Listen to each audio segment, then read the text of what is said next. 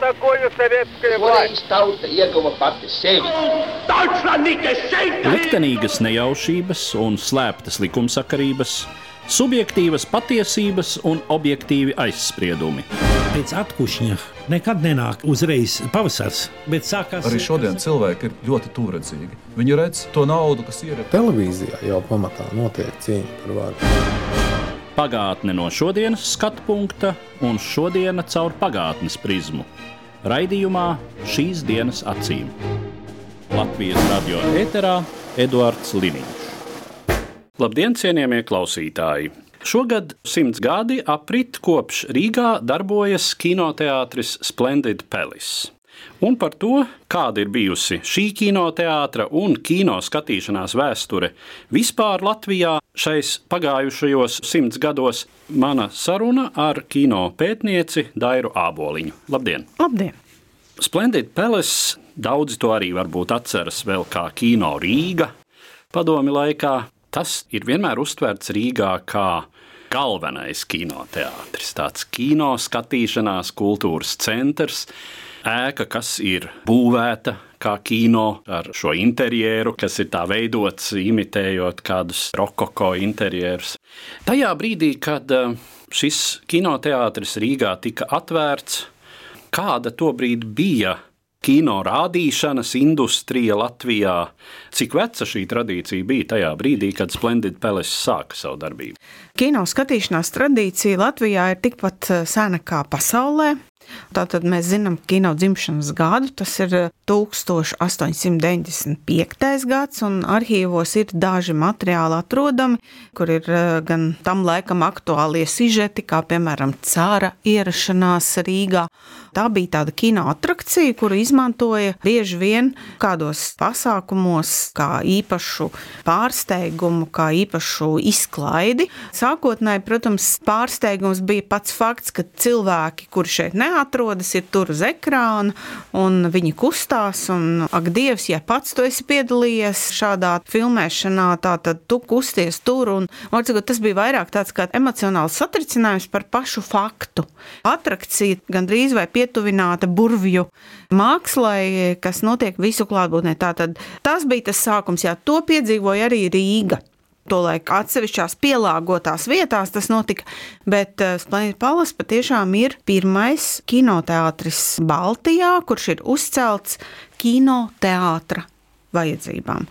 Šajā gadījumā vārds kinoteātra ir atslēgas apzīmējums tam, ko no šīs celtnes sagaidīja un ko tā arī piedāvāja ko skatījās cilvēki.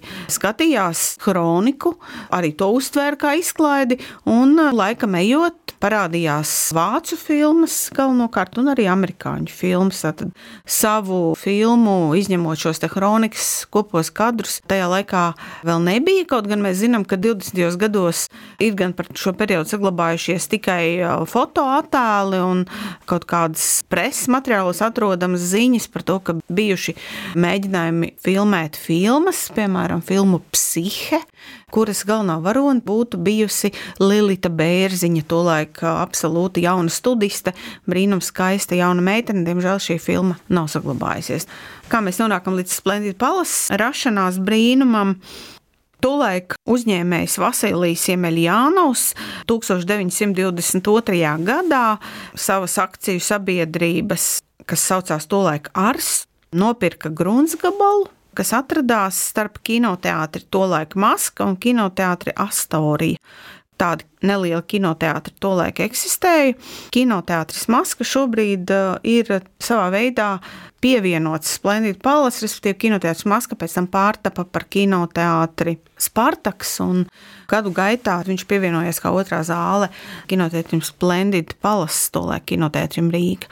Pirms Splendid Palace uzcelšanas šajā vietā atradās neliela koka būva, tāda kā vasaras estrāde, kur notika izklaidējuši uzvedumi, un šis uzņēmējs faktiski redzēja tajā biznesu, Viņš varbūt ir viens no pirmajiem īstajiem kino biznesmeņiem, un viņš kopā ar arhitektu Friedrihu Skuiņu devās ceļojumā pa Eiropu.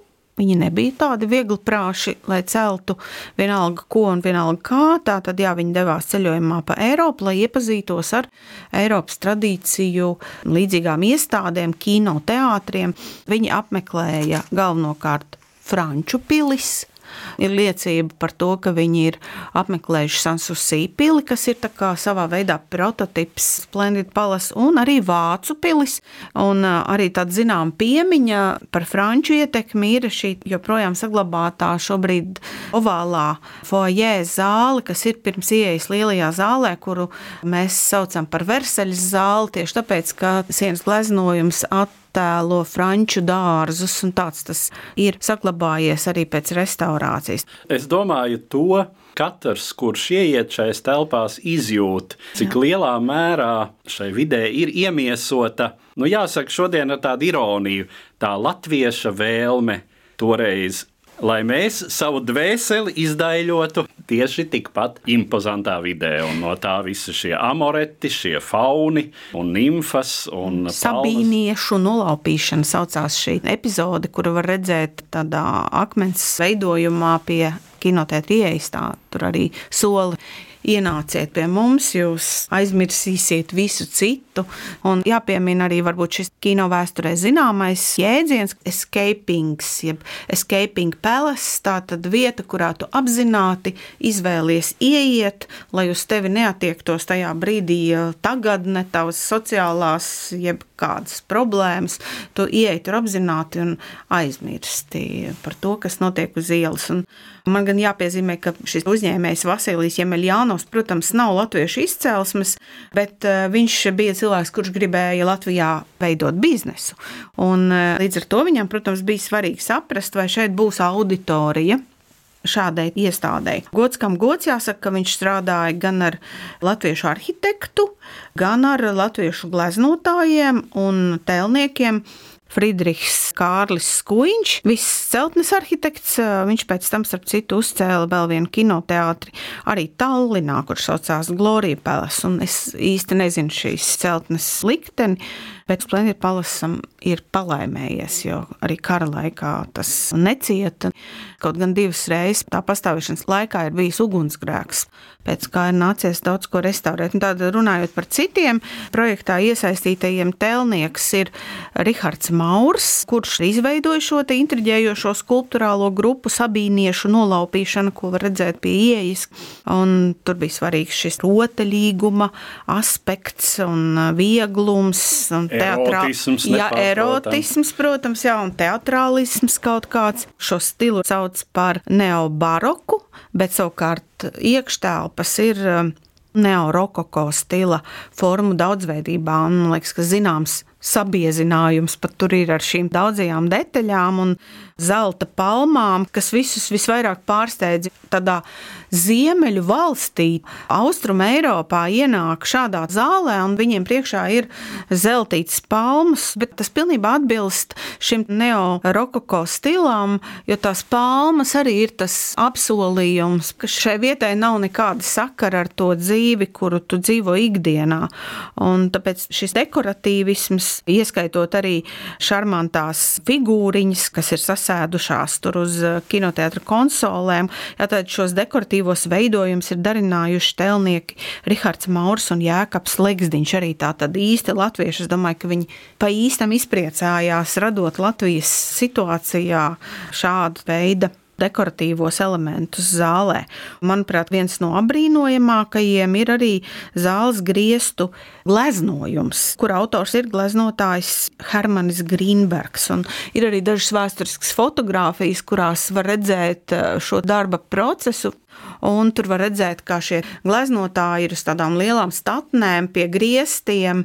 Vēl viena īpatnība, kas jau tolaik bija īpatnība, bet kas eh, līdz mūsu dienām ir tāds kā izaicinājums kino rādīšanai, ir proti tas, ka zāle ir ovāla un balkons ir ovāls, kas bija ļoti piemērots mēmā kino periodam, kad uz mazās skatuvītes, kur sākotnēji bija mazāka nekā tā ir tagad, kad tur varēja spēlēt orķestrītes vai arī intermēdiju laikā parādīties korda baleta meitenes, kuras arī savulaik strādāja kinoteātrī, kamēr filmu mehāniķis pārlādēja buļbuļsu, tātad pārlādēja filmu lentu. Nu, tagad mums to grūti iztēloties, bet tas prasīja zināmu laiku.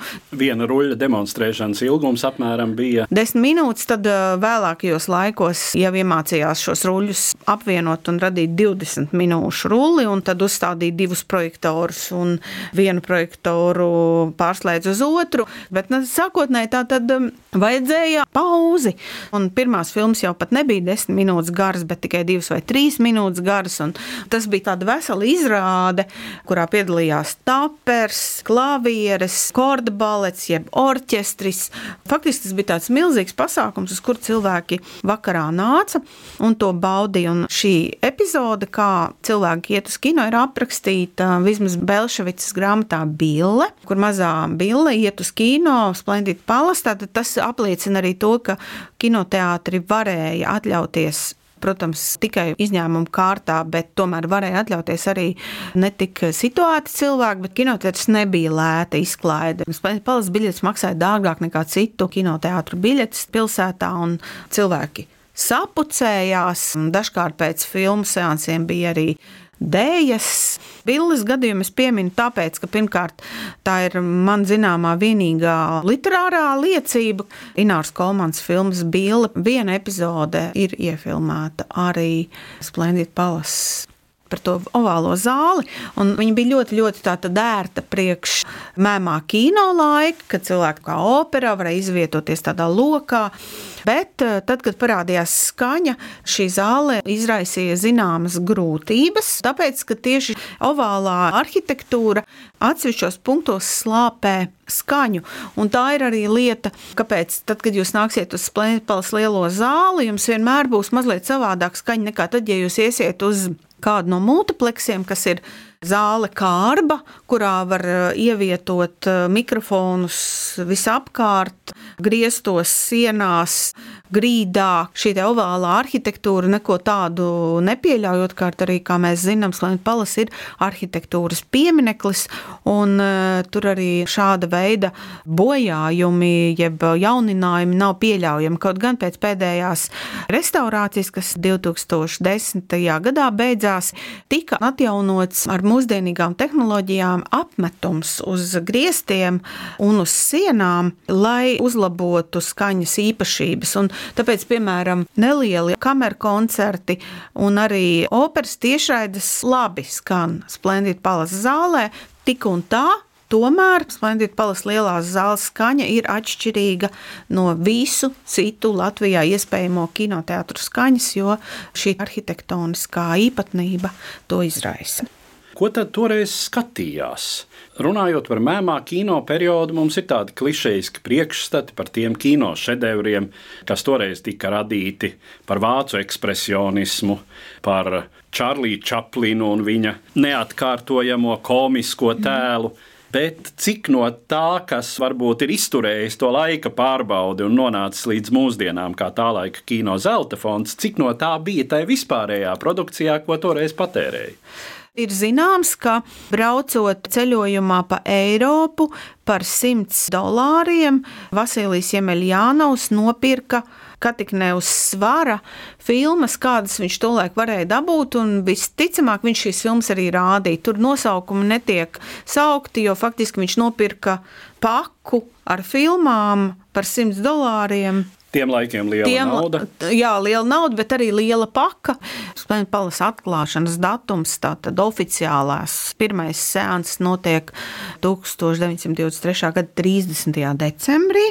Un filma, kuru tajā rāda, saucās Zem diviem karogiem, Under Two Flags. Tā ir ASV 1922. gada filma, režisors Tots Braunings. Tā ir viegla filma, kaut gan mums liek domāt, ka varbūt tur ir kaut kāda politiska kontekstā tas nav. Tā ir tāda poēma. Austrumnieciskā garā ar ļoti populāru tolaik aktrisi Prisilu Dīnu. Pirmā skaņu filma ir arī ASV filma, un tā saucās Džeza dziedātājs.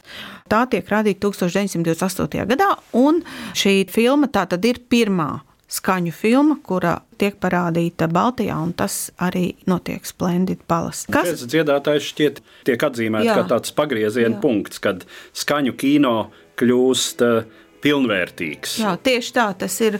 Un arī viena no pirmajām filmām, kur daudz vietā pasaulē parādīja.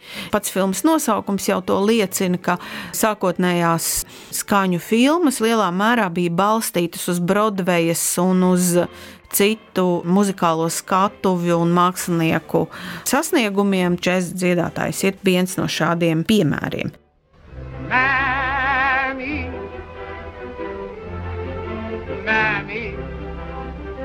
Sun shines east, the sun shines west, but I know where the sun shines best.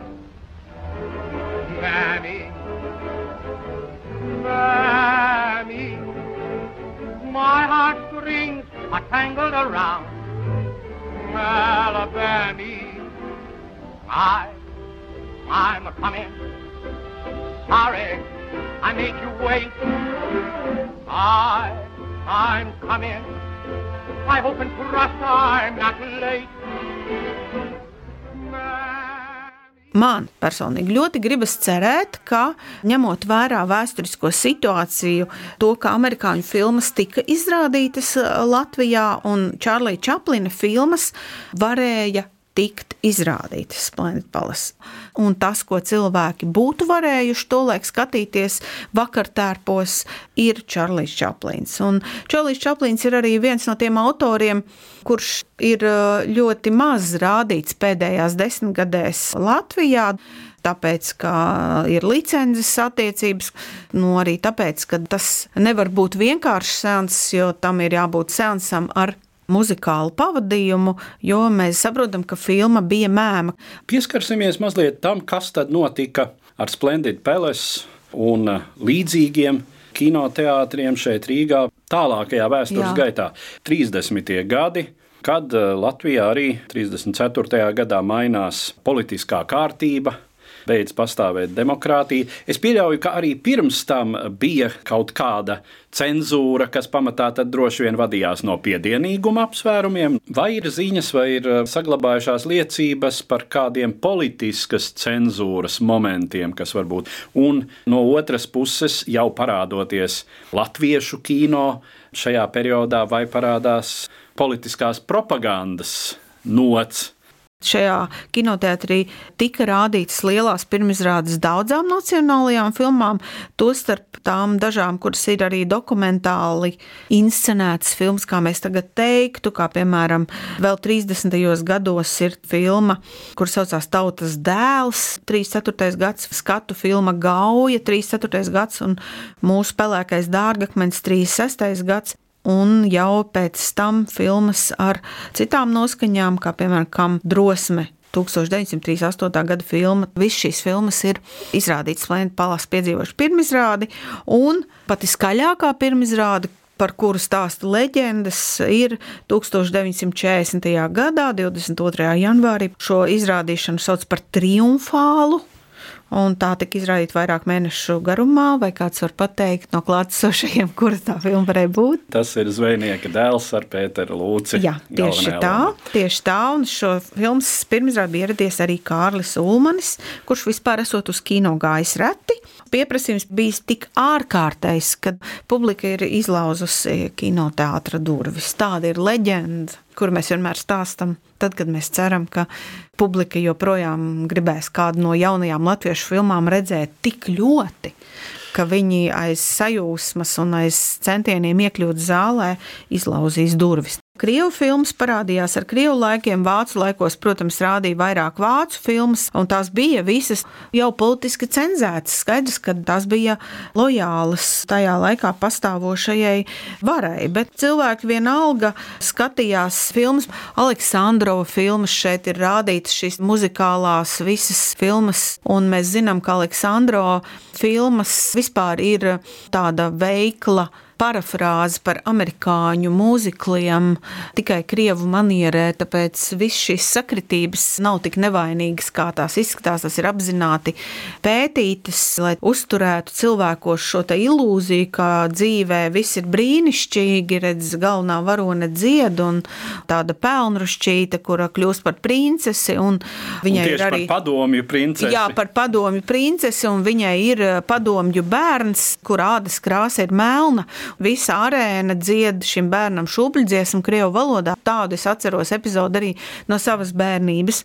Tā kā tas viss, protams, notika brīnišķīgajā zaļajā, ovālajā otrā stāva zālē ar spoguļiem un mīkstajām mēbelēm. Tajā laikā tur ir bijis sarkanais stūrītis ar leņķina bisti. Tādas fotogrāfijas ir saglabājušās, kur ir stāv blakus tāds ūdens rezervārs ar metāla krūzīti, kur ir piesieta aukliņā. Vasilijs Jemeļjānovs pats kļuva par upuri. Viņa ģimene tika deportēta, viņam, protams, tika atņemts viņa īpašums, un arī viņa liktenis nav tālāk zināms. Viņš no deportācijām neatgriezās. Par padomi laiku un par to, ko toreiz skatījās, kāds bija filmu repertuārs, to jau mēs vēl visi tie, kas šo laiku daudz maz apzinīgā vecumā esam pieredzējuši, atceramies, ka, protams, rietumu kino produkcija līdz šejienei nonāca salīdzinoši nelielā skaitā, visnotaļ selektīvi. Protams, atkal tur bija šie priekšstati par piedienīgumu, kas padomju sistēmā bija diezgan strikti. Tāda īpatnība droši vien arī, kas mūsdienām īsti vairs nav raksturīga, ka šeit salīdzinoši lielā skaitā nonāca arī Bolivudas produkcija. Jā, indiešu filmas Zita un Gita, kā šodien atceros dažus nosaukumus, Baltās rozes manai melnajai māsai, kas bija klasiski Bolivudas izstrādājumi ar eh, neiztrūkstoši sentimentāliem stāstiem par mīlestību kurai vajadzēja, protams, beigties pozitīvi. Tajā nozīmē, ka pareizajai meitenei tomēr bija jāprec pareizais puisis, un cilvēki šajās filmās raudāja un ļoti šīs filmas mīlēja, jo viņas tomēr savā veidā ļoti atšķīrās no tām krievu filmām. Kaut arī mēs zinām, ka krieviem arī šajā periodā bija brīnišķīgas komēdijas, Rjazānova komēdijas un Gaidaja komēdijas, kuras cilvēki arī ļoti mīlēja.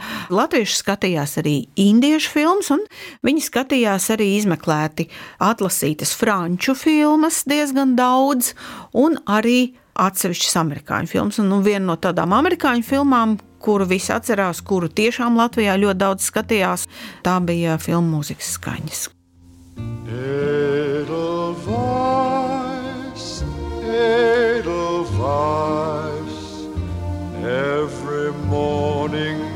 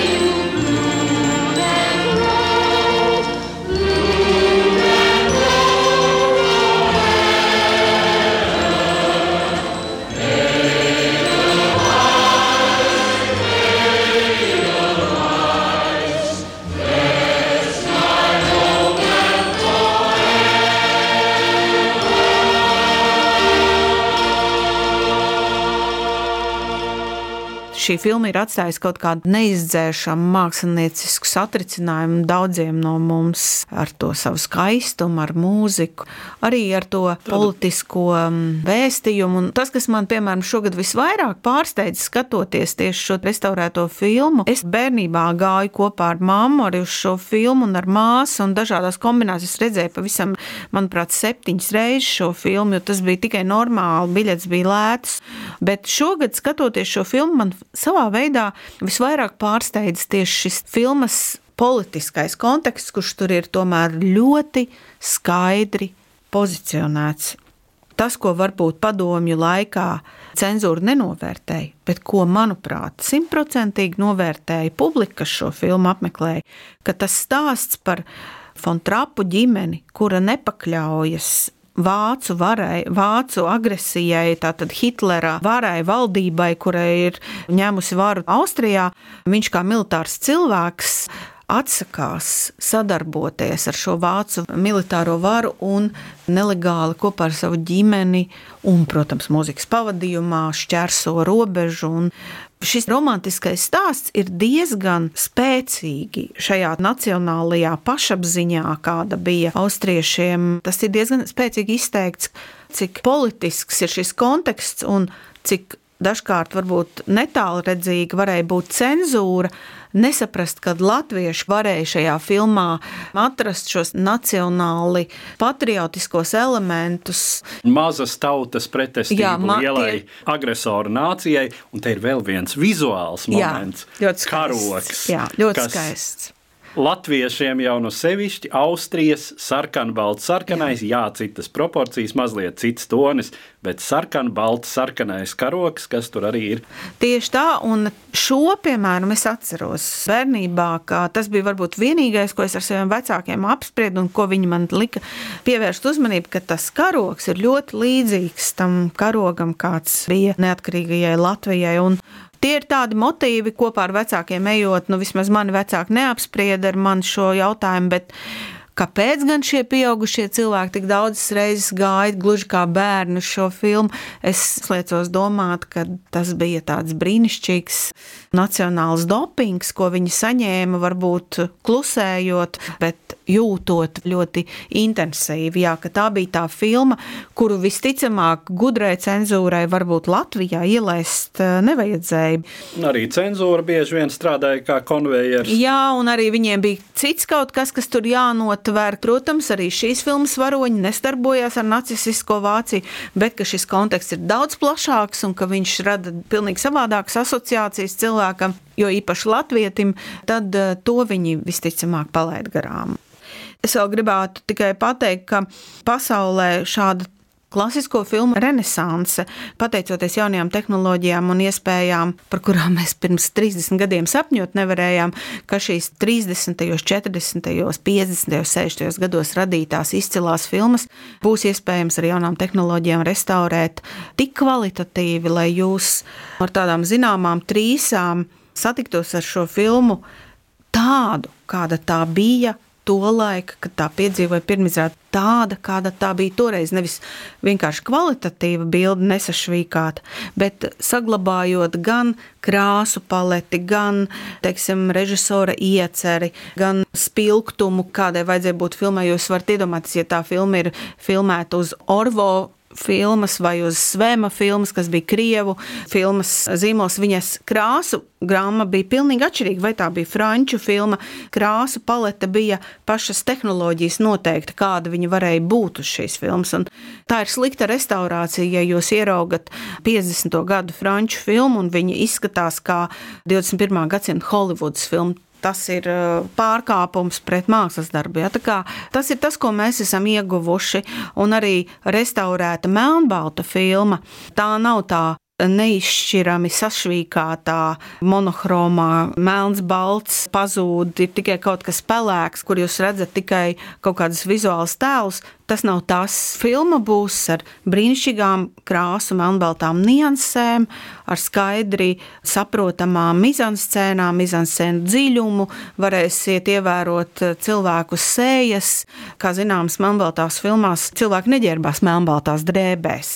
Viņiem bija grims, ļoti izteikts grims, bet šie cilvēki, kas veidoja šīs filmas, bija mākslinieki. Viņi pārbaudīja kādu efektu, piemēram, zaļā krāsa dos melnbaltajā gammā, kādam ir jābūt grimam, lai šī aktiera seja nekļūtu pārāk balta vai pārāk pelēka, lai izceltos vaipsti.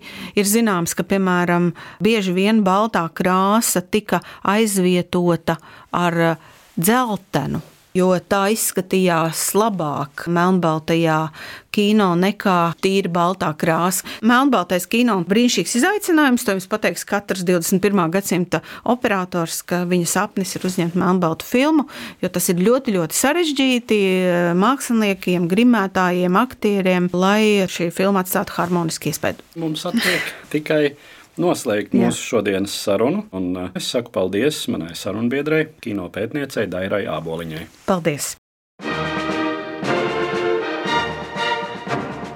Par pagātni sarunājas Eduards Līniju.